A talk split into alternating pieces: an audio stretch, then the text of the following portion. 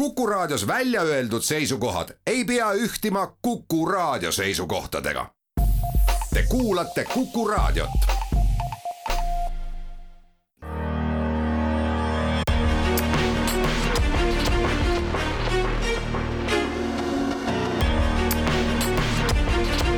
välismääraja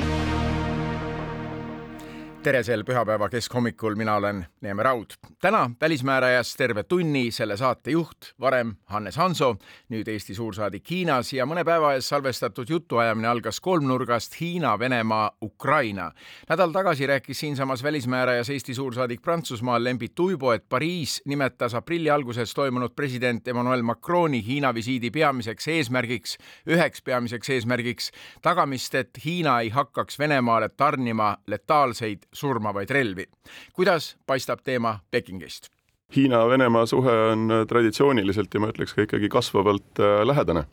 et kui me vaatame sõja esimest päeva ja sõja esimest aastapäeva, siis Hiina ja Venemaa vahel toimus sellel perioodil äh, nelikümmend kaks kõrgetasemelist kohtumist, kaasa arvatud riigipeade vahel ja siis välisministrid ja nii edasi ja nii edasi. Äh, Ukraina-Hiina suhe kahtlemata on oluliselt tagasihoidlikum, toimus paar sellist suhtlust välisministrite vahel et äh, ja majanduslikult on kahe riigi, Hiina-Vene suhe ikkagi väga lähedane, et tahetakse jõuda kahesaja miljardi dollarise kaubavahetuseni äh, aastas, mis on Venemaa jaoks ikkagi arvestatav nii-öelda sissetuleku mõttes, sest nad müüvad energiakandjaid. Et selle, selles osas nagu koostöö on sügav ja jätkuv, aga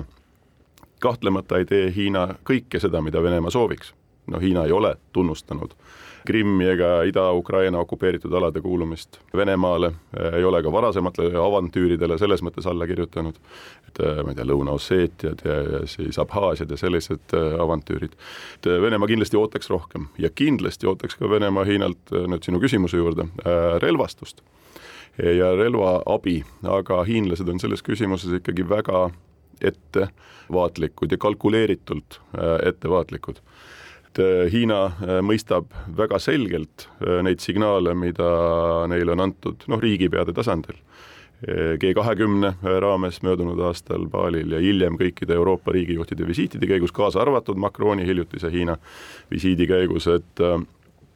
et relvaabi andmine Venemaale tooks kaasa tagajärjed, see on taotluslikult jäetud lahtiseks, millised need tagajärjed on,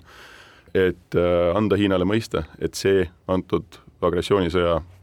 käigus ei ole okei okay. Hiinas äh, kardavad väga paljud suured rahvusvahelised ettevõtted, Hiinal on väga palju suuri rahvusvahelisi ettevõtteid, USA sanktsioone, teiste riikide äh, sanktsioone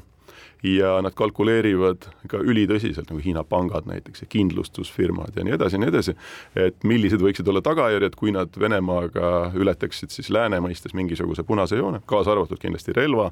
äh, relva müüki, relvaabi puudutaks see, et selles mõttes hiinlased praegusel hetkel teadaolevalt vähemalt koordineeritult mingil riiklikul tasemel ei ole Venemaad relvadega eh, aidanud ja seda jälgitakse väga tähelepanelikult. Kas see peaks mingil hetkel muutuma, jumal teab, aga ma arvan, Hiina tegelikult täna enam ei panusta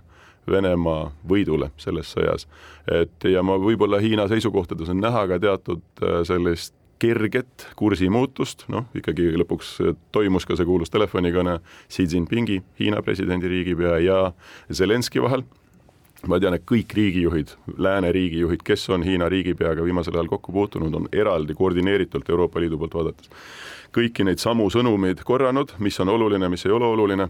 et võib-olla ka Hiina natukene on hakanud koordi-, ütleme, korrigeerima oma seda Venemaa toetust, et hiljuti oli ÜRO-s üks väga oluline hääletus, Äh, kus tegelikult Venemaad nimetati agressoriks nii Ukraina kui ka Gruusia vastu preambulas, mingi suure teksti preambulas ja tegelikult Hiina hääletas selle äh, resolutsiooni poolt, mis kahtlemata Venemaad väga ärritas, nii et äh, kõik ei ole mustvalge, et aga noh, üldine see majanduslik tugi ja see on see, mille pärast me ikkagi peame täna edu, ikkagi muretsema, et see Venemaa-Hiina kaubandussuhe, mis Venemaa väga raskes seisus majandust ikkagi aitab nina vee peal hoida, et see tegelikult ei ole ka kuhugi kadunud. USA rõhutab jätkuvalt, et Hiina on ikkagi suurim rivaal, võib-olla vaenlane otseselt ei räägita, aga suurim rivaal maailmas, suurim oht, millega tuleb tegeleda. samas ütles USA välisminister Blinken hiljuti, et kui Hiinal siiski tekib mingi konkreetselt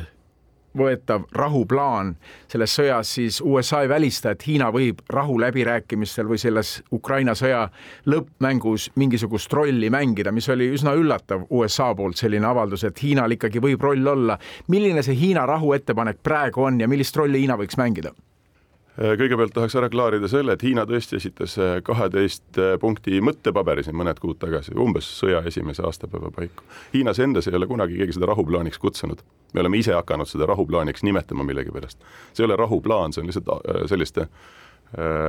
teatud seisukohtade esitamise jada. maailma meedia on juba ilusti selle rahuplaaniks, sest see on lihtsamalt mõistetav nimetanud. just, aga see ei ole tegelikult rahuplaan, sest see ei kutsu üles mingitele tegevustele, ei kutsu Vene vägesid välja tõmbama ja nii edasi ja nii edasi. ukrainlastele sobib selles plaanis üks punkt, ehk see on see, et tuleb austada territoriaalset terviklikkust rahvusvahelistes piirides, et sellest ühest punktist Ukraina jaoks piisaks. Äh, Hiina äh, kahtlemata selle esimese sõja aasta jooksul oli väga intensiivselt ebamugavas olukorras, et kuidas lahendada see, see äh, paradigma, et ühest küljest tahaks, äh, meil on ühine rinne nii-öelda Venemaa ja Hiina vahel, USA, Ameerika Ühendriikide vastu, Hiinal on väga raske lubada Ukraina võitu, sest et seda nähakse, võrdusmärk oleks äh, Ameerika Ühendriikide võidul Venemaa üle sellisel juhul. Ukraina võit võrdub Ameerika või Ühendriikide võit Hiina silmis, eks. ja seda kindlasti peljatakse Hiinas, samas Hiina enda sisepoliitilist elu vaadates, näiteks suhteid Taiwaniga vaadates, eks selline tunnustamine sellise, selliste okup-, no ütleme siis agressiooni või okupatsiooni eh, tulemite tunnustamine, noh, see jällegi on vastuoluline ka Hiina eh, enda eh, jaoks siseriiklikult. On üritatud balansseerida ja ühtegi head lahendust, et kuidas nagu Hiina mõistes nagu saaks selle olukorra hästi lahendada, tegelikult ei ole. kas Hiinal on roll, Hiina on ÜRO Julgeolekunõukogu liige, väga äh, no kasvavalt dominantne jõud maailmas nii diplomaatias, majanduses, ükskõik mis eh, tehnoloogia, keskkonna küsimuste nagu ükskõik mis valdkonnas. et eh, Hiina tahtis demonstreerida mitte ainult läänemaailmale, aga kindlasti just nii-öelda globaalsele lõunale, et nemad on need, kellel on suutlikkus panna eri, erinevad, ligipääs mõlemale osapoolele, panna erinevad osapooled ühiselt laua taha, et leida mingi lahendus ja Hiina on saanud kohutavalt palju julgustust nüüd sellest, et neil õnnestus ühe laua taha saada Saudi Araabia ja Iraan. tegelikult see Saudi Araabia ja Iraani noh, vanade vaenlaste nii-öelda suhete mingil tasemel vähemalt normaliseerimine, et see formaliseeriti ära Pekingis, Hiinas, tuli väga paljudele üllatusena. ega ausalt, väga keegi ei teadnud, et selline protsess on käimas ja suudetakse see nii-öelda jänes kübarast välja tõmmata, suudeti teha ja Hiina nüüd tunneb, et tal on nagu õigus igal pool hakata rahu vahendama. olgugi, et neil seda kogemust just nüüd liiga palju ei ole ja ka Saudide ja Iraani rahuvahenduse tegelikult ikkagi tegid ära valdu, tehti ära valdavalt Bagdadis ja Muscatis on ju, Omaanis ja, ja Iraagis, kus nad juba aastaid istusid, need vaenutsevad osapooled ja üritasid suhte, suhetesse mingisugust normaalsust tagasi süstida. aga ikkagi, see leping lõpuks sõlmiti Hiinas ja nüüd Hiina tunneb, et neil on võimalus ja julgus ja jõud minna veel kaugemale, et, et selles mõttes kuidas see rahu sõlmitakse, aga peaasi, et see oleks mõistlikel tingimustel ja mõistlikel tingimustel, mis tähendab Ukraina tingimustel. et kas Hiina ka sellele alla tegelikult kirjutab, noh, ei tea, nüüd määrati eriesindaja, kes on parasjagu ringreisil erinevates Euroopa riikides, Ukrainas ja ka Venemaal, kes siis peaks proovima leida neid ühiseid nimetajaid, et, et mingisugune lahendus leida, et see on eraldi ametikoht, milles siis president äh, Zelenskõi ja Hiina riigiväsi kokku leppisid et kas äh, see on Hiinal selline jõuõlg, mis suudaks siis garanteerida nagu mõlema poole mingid tegevused, seda me saame näha, ma esialgu oleks pigem äh, äh, ikkagi selles küsimuses skeptiline, sest et noh, Hiinas ei kutsuta seda sõda jätkuvalt sõjaks, see on ikka konflikt ja see selline nagu Vene narratiivi on ju, miks see sõda tuli, et Venemaad provotseeriti, NATO agressiivne laienemine, sellised klišeed, mis nagu jätkuvalt ja jätkuvalt Hiina retoorikas kogu aeg kõlavad, noh selge, et, et nende jaoks on lääs agressiivne, nad ise pelgavad täpselt samamoodi väga NATO võimalikku eh, nagu laienemist või tegevusulatuse siis jõudmist ka sinna Vaikse ookeani piirkonda. et eh, läänemaailma osas on Hiina ikkagi väga-väga kartlik ja pelglik. Aga läänes ikkagi juba mõeldakse selle peale, et Hiinal võib olla mingisugune roll vaherahu või lõpliku rahu saavutamisele kaasaaitajana? Hiina ise küll ütleb ja riigipead seda alati tõstatavad, ma ise nendel kohtumistel ei ole olnud küll, aga ma räägin inimestega, kes on olnud, et Hiina alati pigem tõrjub seda et hinnatakse üle Hiina võimekust näiteks Putinit või Putini Venemaa käitumist mõjutada. alati seda toonitatakse, meie noh, me võime rääkida ja, ja arvata, aga et, et Venemaa tegelikult ikka teeb oma otsused ise, meile puudub mõju sama räägitakse muidugi ka Põhja-Korea kohta näiteks, et ikka minnakse ju hiinlaste juurde, et kuulge, teie Põhja-Korea naabrid ja kõige lähemad äh, nii-öelda siis liitlased, et kutsuge Kim Jong-un korrale noh, jälle hiinlased ütlevad, et noh, me ei suuda seda. et nad tahavad taotluslikult ka vahel vähendada oma seda oodatavat mõju äh, nii Putinile kui ka siis Põhja-Korea liidrile näiteks Ukraina teemal on mõningane selgus, millised on Hiina hetkepositsioonid, aga Hiina suursaadik Prantsusmaal tegi hiljuti avalduse, mis puudutas otseselt ka meie minevikku ja mille vastu me oleme protesti avaldanud. mida see vahejuhtum endast kujutas? Äh, see on spekulatiivne, et kas see oli taotluslik või mitte. meenuta, mis ta ütles ka? kahtlemata ja äh, Hiina suursaadik äh, Prantsusmaal ühes olulises suures riiklikus telekanalis intervjuu käigus, kui küsiti Krimmi ja Ukraina kohta alustas oma mõttekäiku äh, kuidagi väga kentsakalt, et noh, see tegelikult on ikkagi olnud vahepeal Venemaa ja üldse need endise Nõukogude Liidu riigid, et nende suveräänsus on nagu küsitav. et kas nad on tegelikult suveräänsed või mitte, mis läheb muidugi sajaprotsendiliselt vastu kõigele mida Hiina on oma viimase paari aastakümne jooksul nende riikide suunal äh, peale Nõukogude Liidu kokkuvarisemist teinud, et see põhjustas jah, terve sellise nagu seismilisemat soodi võnke erinevates riikides, kaasa arvatud Eestis, et mis mõttes mingi Hiina suursaadik saab selliseid sõnu äh, väljendada, no Hiina kord, kellegi ees ei vabandanud kunagi küll aga kordas siis üle oma ametlikud seisukohad, et ÜRO harta ja suveräänsuse tunnistamine ja kõik selle, ega Venemaa on ju ka eks-Nõukogude Liidu riik, et põhimõtteliselt selle suursaadiku avaldus, kui nagu nüüd mõelda, võis ka puudutada ju Venemaad, et kas nad on suveräänne või mitte suveräänne riik. no paradoksaalselt just samal päeval, kui see skandaal puhkes, andsin ma Hiina president Xi Jinpingile üle volikirjad Pekingis. Ehk siis ja Xi Jinping minu käest võttis need volikirjad vastu, ühesõnaga mulle tundub, et Hiina tegelikult ikkagi siis tunnustab Eesti iseseisvust ja Eestit iseseisva riigina, aga ausalt, see kukkus neil kõik väga keeruliselt ja halvasti välja, kui nad tegid seda taotluslikult, on halb ja kui tegid kogemata, siis on ka väga palju küsimärke aga vaatame nüüd konkreetseid äh, Hiina suhteid maailma juhtivate riikidega, Hiina ja USA suhted. USA-st kuuleme seda retoorikat, seda juttu kogu aeg, et Hiina on peamine rivaal, peamine konkurent, peamine vastane maailma areenil. kuidas Hiina enda poolt tundub, kuidas nemad seda põhjendavad, seda Ameerika tohutut kartust nende riigi suhtes? Äh, Hiina tunnetab, et Ameerika Ühendriigid piiravad neid sisse oma sõprade, oma liitlastega, nad ei taha lasta Hiinal saavutada nii-öelda õiglast kohta äh, maailmas, ehk siis see oleks selline multipolaarne maailm, kus on mitu sellist äh, jõukeskust, praegu on nende meelest maailm unipolaarne, seda domineerivad Ameerika Ühendriigid. Ja see ongi see ka Venemaa-Hiina ühine suur äh, nimetaja, et nemad siis töötavad selle nimel, mõlemal on oma agenda, aga no ühine nimetaja on see, et tehnoloogilises vallas Ameerika Ühendriigid piiravad Hiina arengut nad ehitavad alliansse ja liitlassuhteid, äh, noh näiteks Jaapaniga, Lõuna-Koreaga, nüüd viimasel ajal Filipiinidega, Austraaliaga kahtlemata, Indiaga, kes on kõik need riigid on mingites erinevates formaatides, siis mida Hiina peab Hiina vastasteks, nagu sõna on anti-China, jah, et äh, see, ütleme, see pinge, mis on just nagu nii Vaikse ookeani ülene, praegu on tõesti, ma ütleks, pretsedenditult kõrge et ähm, ja kõik tipptasemel kontaktid, äh, okei okay,, toimus presidentide kohtumine G kahekümne raames möödunud aasta lõpupoole, aga Blinkeni äh, visiit äh, Hiina jäi selle õhupalli allatulistamise tõttu, luure õhupalli allatulistamise tõttu ära. Ja pärast seda on suhted olnud jää peal, jäised. Äh, ja ainult John Kerry, kes on see kliimaesindaja, on nüüd hiinlastega, no see on ainuke kõrgetasemelisem kontakt ja justkui ei näe praegu, et sealt kuskilt mingisugust sula ausalt öelda äh, paistmas oleks, et äh, Hiina kahtlemata praegu väga aktiivselt suhtleb Euroopa riikidega, kõik olulisemate riikide riigipead on korra või kaks viimase kuue kuu jooksul kohtunud Hiina riigipeaga noh, nimetatakse seda charmi ofensiiviks või charm offensive'iks, täitsa Pekingis kohapeal ka äh, kasutusel olev sõna, et, et Hiina kahtlemata tahab lüüa nagu mingisugust sellist kiilu Euroopa ja Ameerika Ühendriikide vahel, toonitavad alati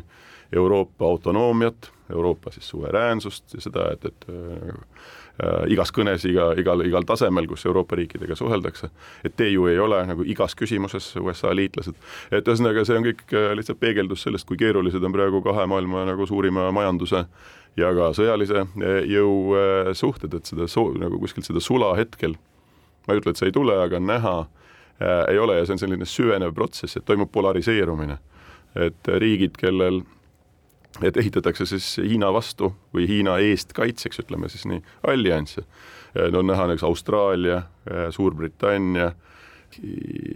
kindlasti India, Ameerika Ühendriigid, erinevad formaadid, kvaadrid, aukused, kõik sellised asjad. et, et Hiina näeb neid enda vastastena ja kõiges on süüdi muidugi Ameerika Ühendriigid ka nagu meie enda otsused, mida me siin möödunud aastal tegime näiteks, et lahkusime sellest Kesk, Ida-Euroopa kuusteist pluss üks formaadist ja et äh, hiinlaste meelest muidugi kõige selle taga on ikkagi ju ei keegi muu kui Ameerika Ühendriigid. et seda, seda, et nende maailm on selles mõttes vägagi mustvalgeks äh, muutunud, et see on kõige suurem rivaal ja ausalt, kui juba kahe suurriigi vaheline äh, diplomaatiline keskustelu käib selle üle, et kuidas manageerida suhteid ilma kineetiliseks minemata, no siis äh, on praegune olukord ikkagi tõesti üsna keeruline pinged Taiwan'i ümber ja kõik see veel mõjutab selle taga, noh, sellele kõigele lisaks muidugi seda olukorda. Eesti suursaadik Hiinas Hannes Hanso täna Välismäärajas. me jätkame hetke pärast.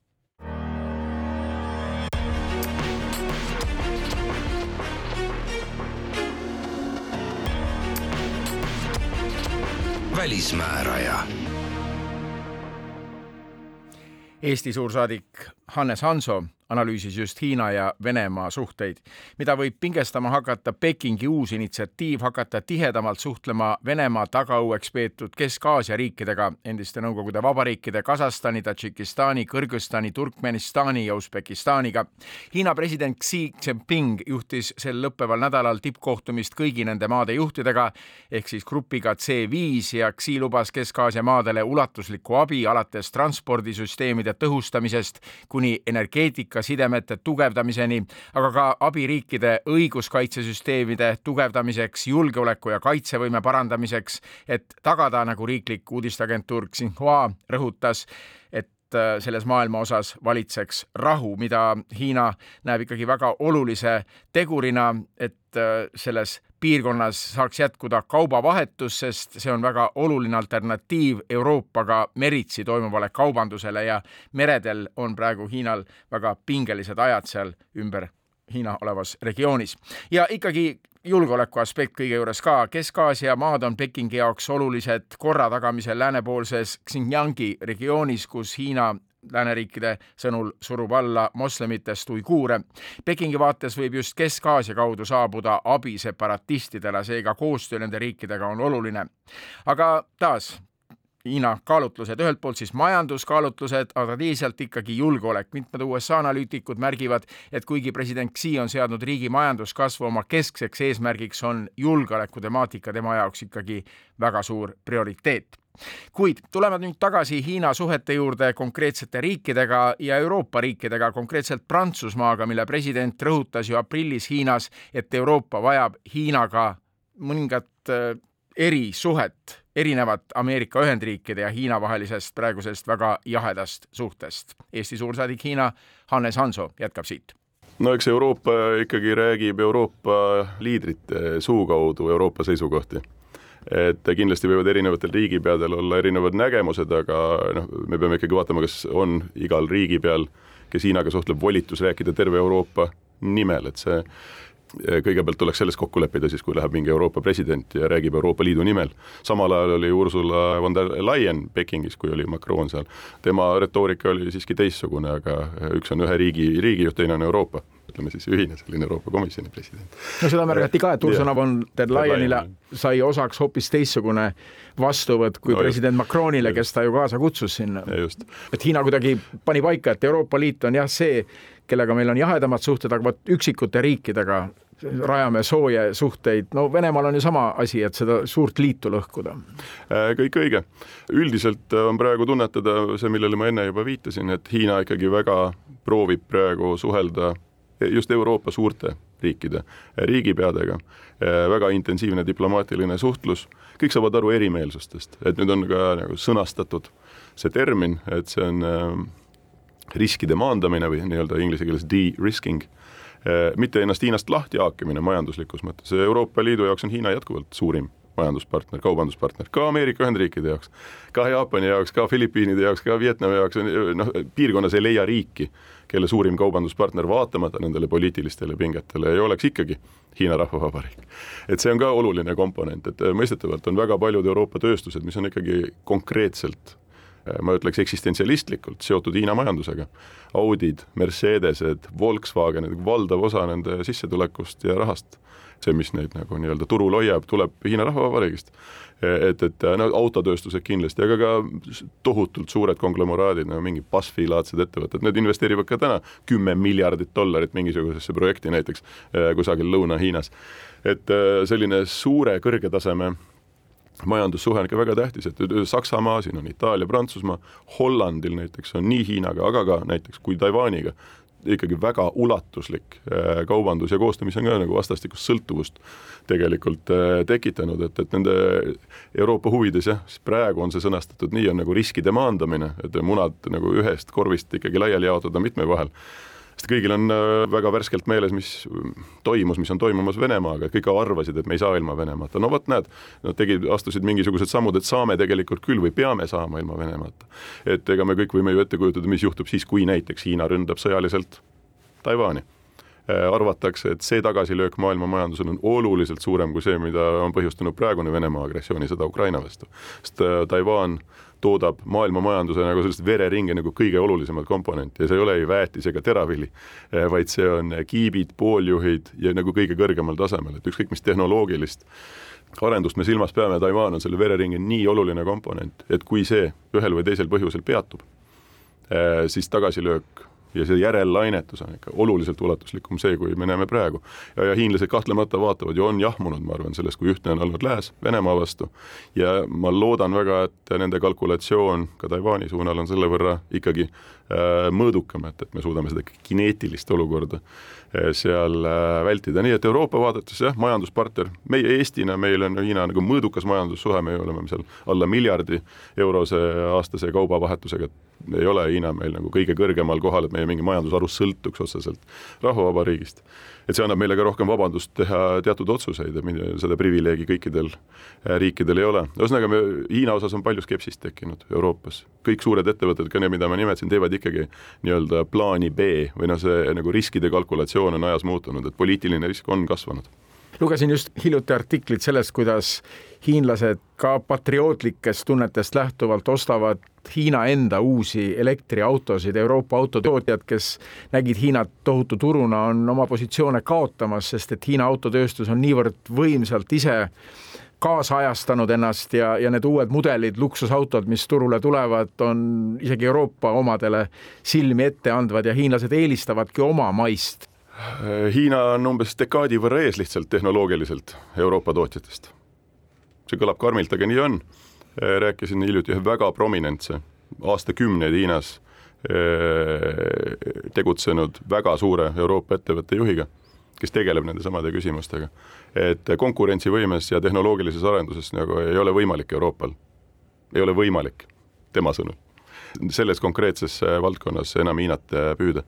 Et Pekingis, ma arvan, Shanghais, sellistes linnades nagu ütleme, kolmandik äh, sõidukitest, mis on neljarattalised, on äh, elektril sõitvad, ei ole mingit põhjust osta mingisugust muud autot, tõsi, on ka elektri BMW-sid, Audisid, Volvosid olen näinud, isegi Porschesid, Teslad muidugi, eks, et neid toodetaksegi ju ka Hiinas, eks. E, et äh, sellised meie ettevõtted on jätkuvalt turul aga tegelikult Hiina tootjad suudavad, suudavad toota niivõrd suurepäraseid kõrgtehnoloogilisi häid autosid, et milleks osta välismaalt, et see ei ole mingi seisukoha näitamine, vaid sa pead ikkagi vaatama, mis diil on. ma tean, minu kolleegid Euroopa Liidu suursaadikud, väga paljud, kui nad vahetavad autot, ostavad nüüd Hiina elektriautosid endale. et ausalt noh, ostaks endalegi koju, aga ma arvan, me, me ei saa neid veel siin lihtsalt Eestis, nad ei ole, need tüübid ei ole registreeritud, pluss tehnoloogiliselt meie ikkagi laeme oma autosid, elektriautosid aga hiinlane sõidab äh, tanklasse, robotitanklasse, kus tõstetakse see auto üles, võetakse aku alt ära, robot viib minema, lükkab uue alla, kogu protsess, ma ei tea, neli-viis minutit. ja sõidad minema, noh, muutunud tankimislaadseks see akude vahetus on, see peab öö läbi kuskil seinas rippuma. et, et äh, Hiina on tehnoloogiliselt mingites osades väga hästi arenenud ja konkurentsivõimeline ja varem või hiljem sõidame me ise ka siin nende Euroopas nende Hiina autodega hoopis. Kas Hiina praegu välisturgudel ei tooda luksusautosid? terve Lõuna-Ameerika Aafrika suures osas on ju, aga need ei ole veel need elektriautod. Hiina viib isegi tootmist juba sinna, sest turud on seal nii suureks kasvanud. et Euroopas, Norras, Saksamaal, ma ei tea, mis riikides veel, on juba esimesed Hiina elektriautod oma kanda kinnitamas ja kindlasti see on selline suur ja jätkuv protsess. et kindlasti Iisraelis ja ma tean veel mingites riikides, kus ühesõnaga investeeritakse praegu sellesse, et, et saaks neid, sedasama infrastruktuuri, neid akuvahetusi tegelikult tegema hakata. osades nad on juba olemas, aga see on suhteliselt algfaasis ja ega ma arvan, Euroopa tootjad ei ole liiga õnnelikud neid siia lastes. kindlasti on palju nagu sellist ka pingeid selle ümber, mis tollimaksusid peaks neile rakendama ja nii edasi ja nii edasi, et meie enda toodang püsiks ikkagi äh, konkurentsivõimelisena, äh, et Hiina mõnedes asjades väga hea ja väga arenenud. elektrivaldkond kindlasti üks, pluss ühtegi kaherattalist sõidukit praktilise sisepõlemismootoriga eh, näiteks Pekingi-suguses linnas ei näe. meil on ka endal eh, pere peale ostetud selline nagu ütleme, motoroller, ainult töötab eh, aku pealt, sõidad seitsekümmend kilomeetrit umbes, siis pead jälle laadima. väga kaasaegne, ülivaik-, noh, ühesõnaga vaikne, mõnus, igati asjalik tarberiist Hiina majandusest räägime kohe pikemalt, aga veel üks Hiina ja Euroopa suhteid, ühe Euroopa Liidu liikmesriigi suhteid puudutav küsimus, Leedu ja Hiina. teame ju neid pingeid, mis tekkisid kuni suursaadikute tagasikutsumiseni mõlemalt poolt pärast seda, kui Vilniuses lubati avada Taiwan'i nimeline esindus, varem olid kõik need Taiwan'i esindused maailmas ju ikkagi Taipei nimega, mida Hiina aktsepteeris ja siis korraga otseselt Taiwan'i mainimine, mis tekitas väga verise reaktsiooni Pekingis. Äh, nii see on ja see olukord kestab juba pikalt. Äh, Hiinas ei olegi mitte ühtegi Leedu diplomaati, mitte ainult suursaadikut ei ole, aga üldse ühtegi diplomaati ei ole et tundub, et jah, see Leedu samm äh, ikkagi puudutas mingit väga tõsist äh, närvi äh, Hiinas ja nad reageerisid väga valuliselt ja jah, tõesti on Euroopa Liidu suursaadikute regulaarne formaat, me kohtume periooditi ja arutame kõiki meid puudutavaid siis asju ja siis on üks koht on tühi alati ja see on see Leedu koht. Leedu on tõsi määranud asjuri, kes resideerub Vilniuses. Ta käis korraks nädalaks ka Hiinas, kohtusin temaga kaks korda, et millal siis Hiina annab loa nagu nii-öelda asjuril naasta mitte siis saadikuna, aga riigi esindajana. ehk siis seda saab näha, et äh, see võib võtta ükskõik kui kaua, et see Hiina mingi, ütleme see jah, praegu kindlasti ei ole mina kuulnud vähemalt, et see oleks mingi kiire protsess, et kui sellel aastal juhtuks, noh, ma arvan, see oleks optimistlik, et äh, hiinlased reageerisid ikka väga tugevalt ja kuidas see lõpuks, see punnseis äh, laheneb, ei tea. no samas jah, on äh, Leedu astunud väga proaktiivseid äh, samme suhete arendamisel siis Taiwan'i suunal et mida teevad muidugi paljud Euroopa riigid, et väga vähe on Euroopa riike, kellel ei oleks esindust Taiwanil, mingisuguse kaubandusesinduse nime all lihtsalt. ja ega neid riike, kus on ka Taiwan'i esindused Euroopas ei ole vähe, lihtsalt nad ei ole jällegi suursaatkond, suursaatkondade nime all ja ka tipp-poliitikas me näeme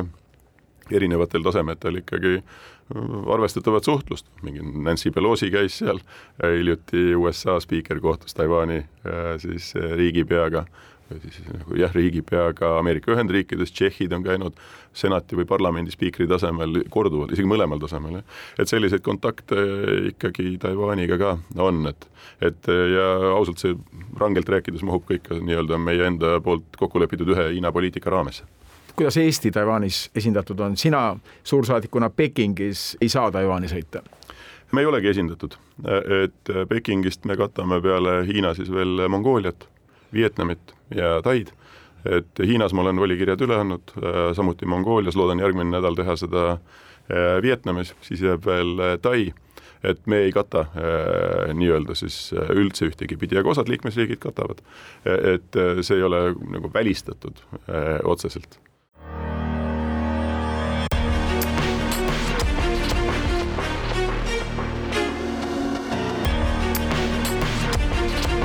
välismääraja.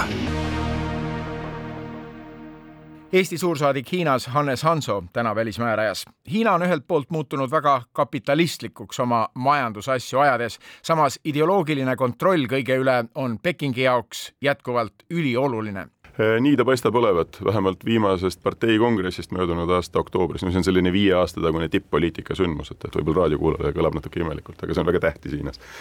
et seal võetakse vastu siis järgmise viie aasta sellised pika perspektiivi otsused ja tõesti tundub, et poliitika ja selline ideoloogiline kontroll hakkab kindlasti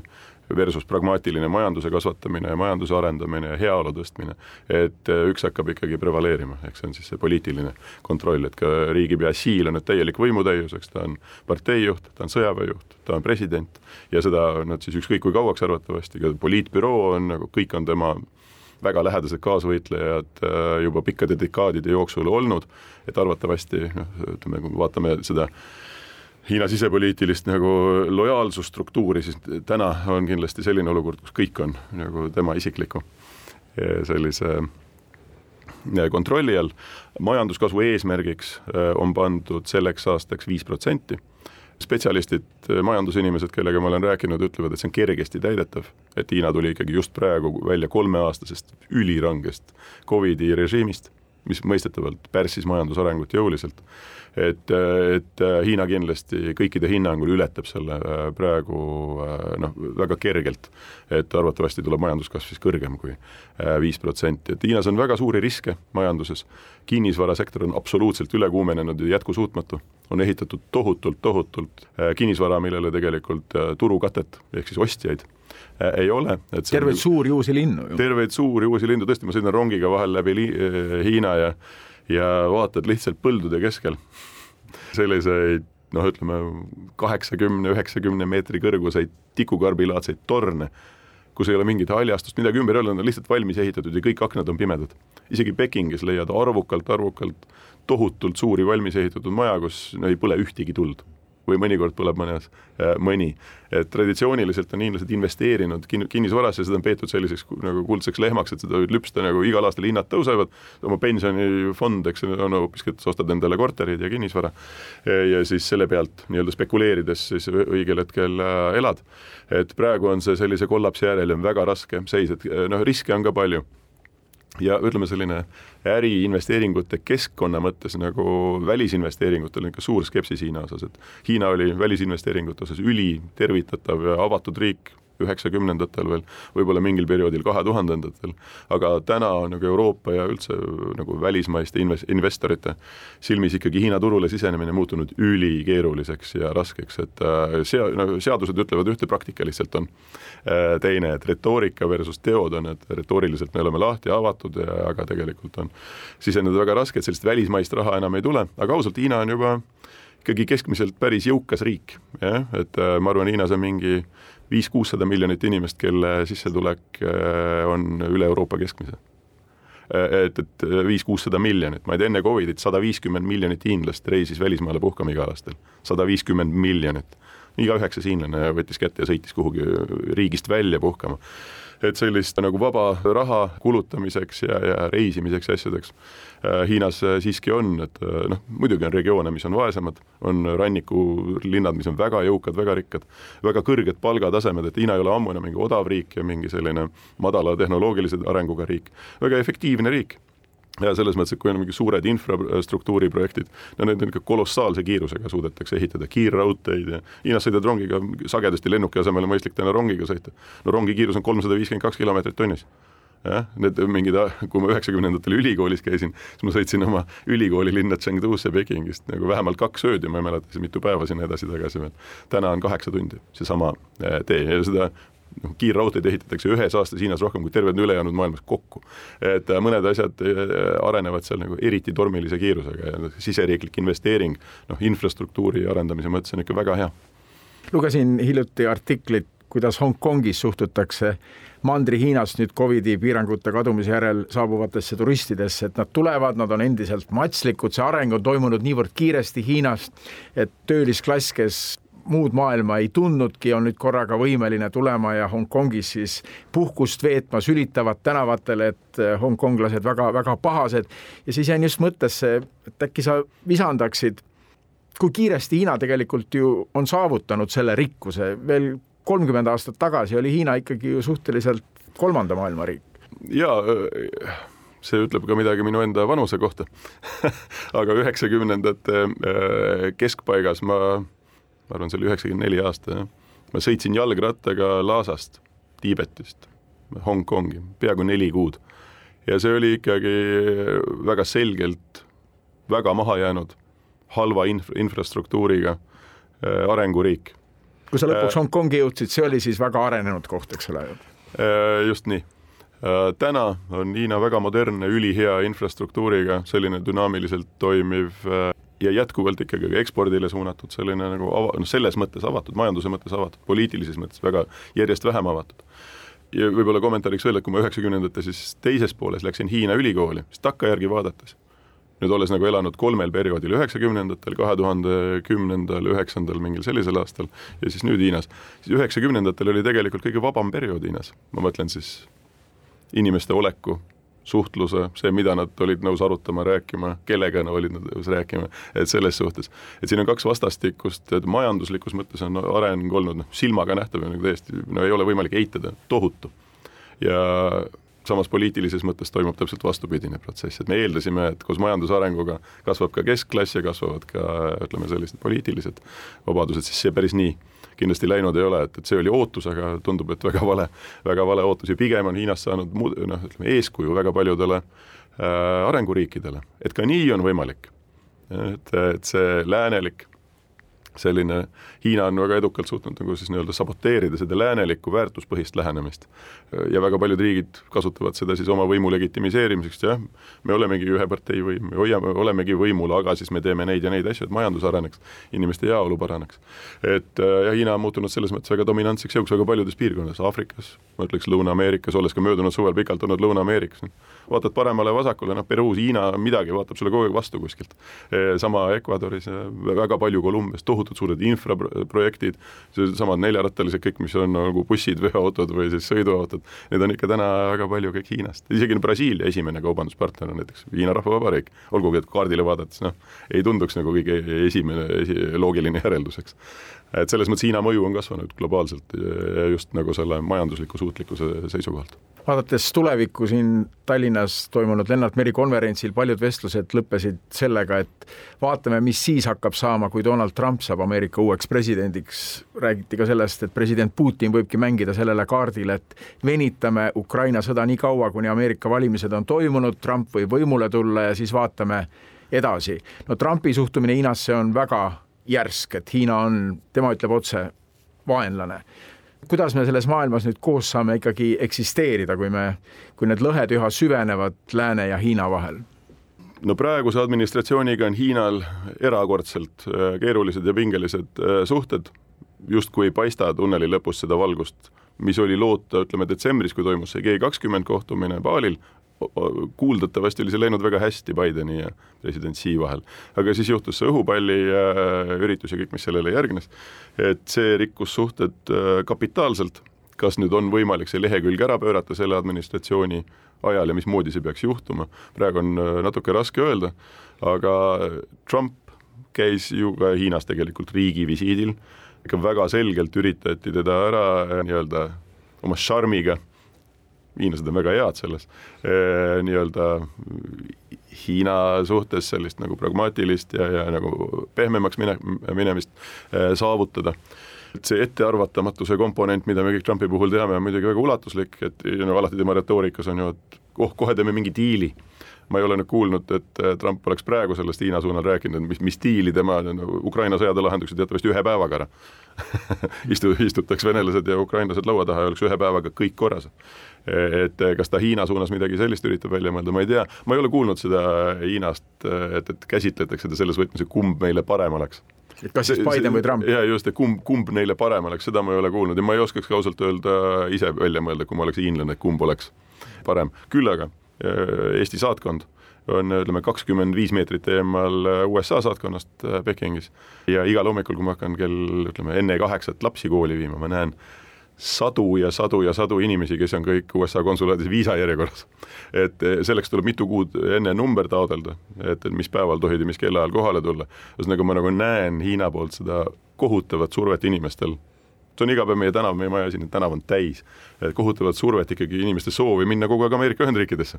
et kindlasti seal on ka erinevad tasandid, et äh, mulle tundub, et selline inimeste vaheline tasand, Ameerika Ühendriikide ülikoolid, jätkuvalt ikkagi Hiina eliit tahab saata oma lapsed Ameerika Ühendriikidesse ülikooli äh, kes vähegi saavad seda teha, teevad seda, iga ajahetkel on mingi kolmsada tuhat Hiina üliõpilast Ameerikas näiteks Austraalias mingi sada tuhat, UK-s vist rohkem. jätkuvalt nad tahavad minna läände kooli, tahavad suhelda Ameerika Ühendriikidega, aga see valitsustevaheline või selline tipptasandi suhe on hoopis äh, erinev sellest. ja seda ei ole ikkagi ette näha, et need pinged kuidagi maanduksid, pigem ikka kasvavad? Praegu pigem ma ütleks jah, nii, olgugi et tegelikult vaatamata kõigele, nagu Hiina ja Ameerika Ühendriikide kaubandussuhted arenevad väga kiirelt ja on kasvavas trendis. Ameerika Ühendriikide suursaadik ise ütleb mulle, et soovib oma ettevõtjatele edu, välja arvatud teatud sektorites selle mööndusega. jah, et, et siin on mõned kõrgtehnoloogilised asjad, käib pidevalt kaubandus-tööstuskodades ettevõtetega kohtumas, esinemas, et, et just nimelt siis promoda Ameerika Ühendriikide kaubandust, mida mõistagi teevad ka valdav osa Euroopa Liidu suursaadikutest äh, Hiinas, et et siin on äh, nagu teatud paradoks, et ühest küljest meil on mingi tõsine väärtuskonflikt mis ei ole mingi saladus, eks. samas äh, siiski see majanduslik äh, lävimine äh, on väga paljude riikide jaoks ülimalt oluline, ka näiteks Austraalia ja Hiina suhted olid siin ju mingil perioodil ikka täielikus madalseisus. Nüüd on need taastunud, jälle on ühesõnaga mingisugune viie, noh, kolme-nelja-aastane mõõn on läbitud. Äh, väärtuskonflikti kõrvale jättes ja kõiki neid uusi julgeolekuarenguid kõrvale jättes Austraalia ja ütleme, selle Vaikse India ookeani piirkonnas, siis tegelikult majanduslikus plaanis on suhted nagu arenevad väga kiiresti jälle. Tavakuulaja võib küsida, et no miks me ajame neid suhteid nii teravateks, teeme majanduslikku koostööd ja püüame neid leevendada ja püüame siin ühes maailmas koos elada kes ajab äh, teravaks, on muidugi spekulatiivne, et, et sõltub, kustpoolt vaadata. et ikkagi väga paljudes küsimustes äh, on äh, ütleme siis nagu demokraatlikes riikides tunne, et Hiina üritab ikkagi redefineerida kogu seda globaalset korda jah, ja rahvusvahelist äh, süsteemi, nagu tohutud need initsiatiivid, et on, et äh, siis ma pean nüüd inglise keeles ütlema, sest eesti keeles ei ole häid termineid, on Global Development Initiative, Global Civilizations Initiative. Ja igasugused sellised Hiina initsiatiivid, siis on see tee ja vöönd siidi nii-öelda siiditee initsiatiiv ja nii edasi ja nii edasi, Kesk-Ida-Euroopa mingite riikide formaat ja need on kõik osa sellest Hiina äh, uue maailma ehitamise äh, katsetest, kus nad nagu tervet seda, äh, kuidas maailm seni on opereerinud, tahavad omadel tingimustel ümber kujundada, väga edukalt ÜRO tasandini välja. et jätkuvalt mina leian, et äh, selline maailmasüsteem, mida esindab, ütleme selline nagu demokraatlik lähenemine on ikkagi jätkusuutlikum ja kahtlemata parem, olgugi et nagu me näeme, käib ka aeg-ajalt oma kriisidest läbi. et ja ma leian ka, et, et me peame väga tõsiselt vaagima, et kas see nagu süsteem, mida asemele pakutakse, jõu jõukeskused, autoritaarsed, olgugi et majanduslikud võimekad suurriigid ja kuidas meie väikeriigina peaksime sellesse näiteks siis suhestuma et, et kuivõrd selle, selle, selles korras me suudaksime siis nagu äh, ellu jääda. et ma arvan, et eriti ei, ei suudaks, et, et selles mõttes äh, need ütleme, see skepsis ja see riskide nägemine Hiina sellises üha ulatuslikumas haardes on ikkagi meie vaatest väga selgelt põhjendatud. kui nüüd tekib soov oma silmaga vaatama tulla kõike seda, mis Hiinas toimub. ma tean, et ajakirjanikuna mul võib olla keeruline viisat saada, aga kui kerge on praegu Hiinasse tulla ja vaadata seda Hiinat siis? reisida saab, ühesõnaga ja nüüd hakati ka ikka siiski väljastama jälle turismiviisasid, et see turismisektor oli muidugi, mis Covidi ajal nagu noh, täiesti kadus, ütleme, Hiina-siseselt ja Hiinast väljas, väljapoole. täna on äh, Hiina selles mõttes lahti, et, et äh, turism taastub, nii siseriiklik kui välismaine ka Hiina enda inimesed saavad jälle Hiinast välja minna, et nagu kui vaatad Kagu, noh, Aasia riike, Koread, Jaapanit, Kagu-Aasia riike, noh, ütleme miljonites ja miljonites on need reisid, et nagu ma ütlesin, kahe tuhande üheksateistkümnendal aastal hiinlased tegid sada viiskümmend miljonit välisreisi. et noh, ütleme võrdlemisi arvukas osa ka näiteks meie regiooni ma ei tea, siin Soome või näiteks Island, me jagame Islandiga Pekingis saatkonda, noh, islandlased äh,, käed-jalad on tööd täis viisade tegemisega, et, et lihtsalt Hiina turist tahab jälle minna Islandile. meie, meie jaoks on Hiina lahti, jah saad turistiviisa ja võid sõita Hiina, jah. Õnneks ka lennukipiletite hinnad on hakanud mõistlikumaks muutuma, et olgugi, et läbi Venemaa lendamine ja praegu ei tule kõne alla ehk siis reisiaeg võrreldes, kunagi oli meil kaheksa tundi Helsingist lennata Pekingisse, noh, täna me peame minema läbi Frankfurdi või läbi Istanbuli või läbi Varssavi, ütleme nagu paariteist tunnised on need Euroopa mingi suurlinna ja siis Hiina otsad, et selles mõttes natuke ebamugavust on lihtsalt rohkem. välismääraja stuudios oli Eesti suursaadik Hiinas Hannes Hanso. tänaseks lõpetame, mina olen Neeme Raud, peatse jälle kuulmiseni.